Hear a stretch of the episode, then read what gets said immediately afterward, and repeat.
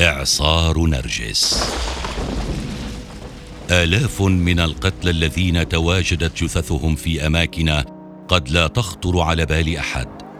دمار واسع وشامل لا تمييز في هكذا كوارث.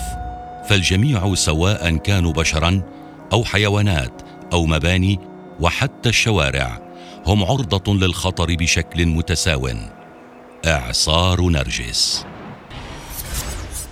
نرجس. اسم جميل أليس كذلك؟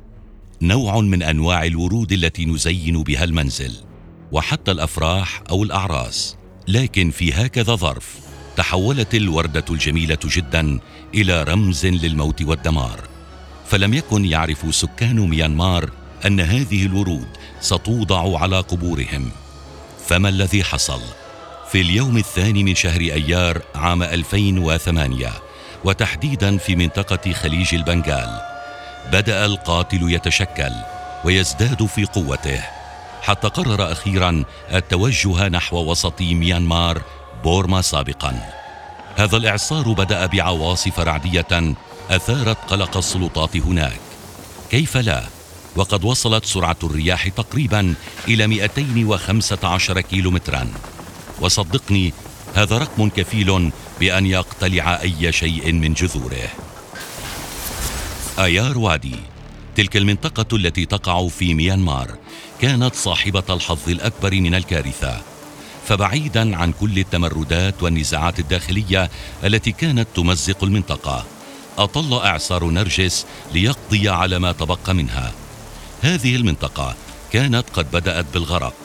فكانت الأمطار الغزيرة تشكل ارتفاعا في منسوب المياه وصل لنحو ستة أمتار مشكلة جدارا مائيا كبيرا. ولكن ما هو الأسوأ؟ هو أن هذه المنطقة يسكنها نحو سبعة ملايين شخص. فمثلا بلدة بوغولاي وهي بلدة تقع في تلك المنطقة. وصل عدد الضحايا فيها بين جثث متناثرة وغريقة لنحو عشرة آلاف ضحية. هذا في منطقة واحدة. فشلت الحياة تماما. المدينة أصبحت غارقة. ولا كهرباء ولا وسيلة نجاة مجدية. لم تنتهي القصة هنا. فقد تسبب هذا الإعصار بأزمة غذائية كبيرة. فقد دمر أكثر من أربعين في المئة من مخزون الغذاء. وأكثر من ستين بالمئة من حقول الأرز والأراضي الزراعية التي وصلت لنحو ثلاثة ملايين فدان منها بالإضافة إلى مئتي ألف من الماشية. هذا الإعصار هو الإعصار الأول الذي يطلق عليه اسم في تاريخ أعاصير شمال المحيط الهندي. هذا الاسم ارتبط بمقتل نحو المئة وأربعين ألف شخص وفقدان أكثر من خمسة وسبعين ألفا آخرين. بالإضافة إلى تشريد الملايين.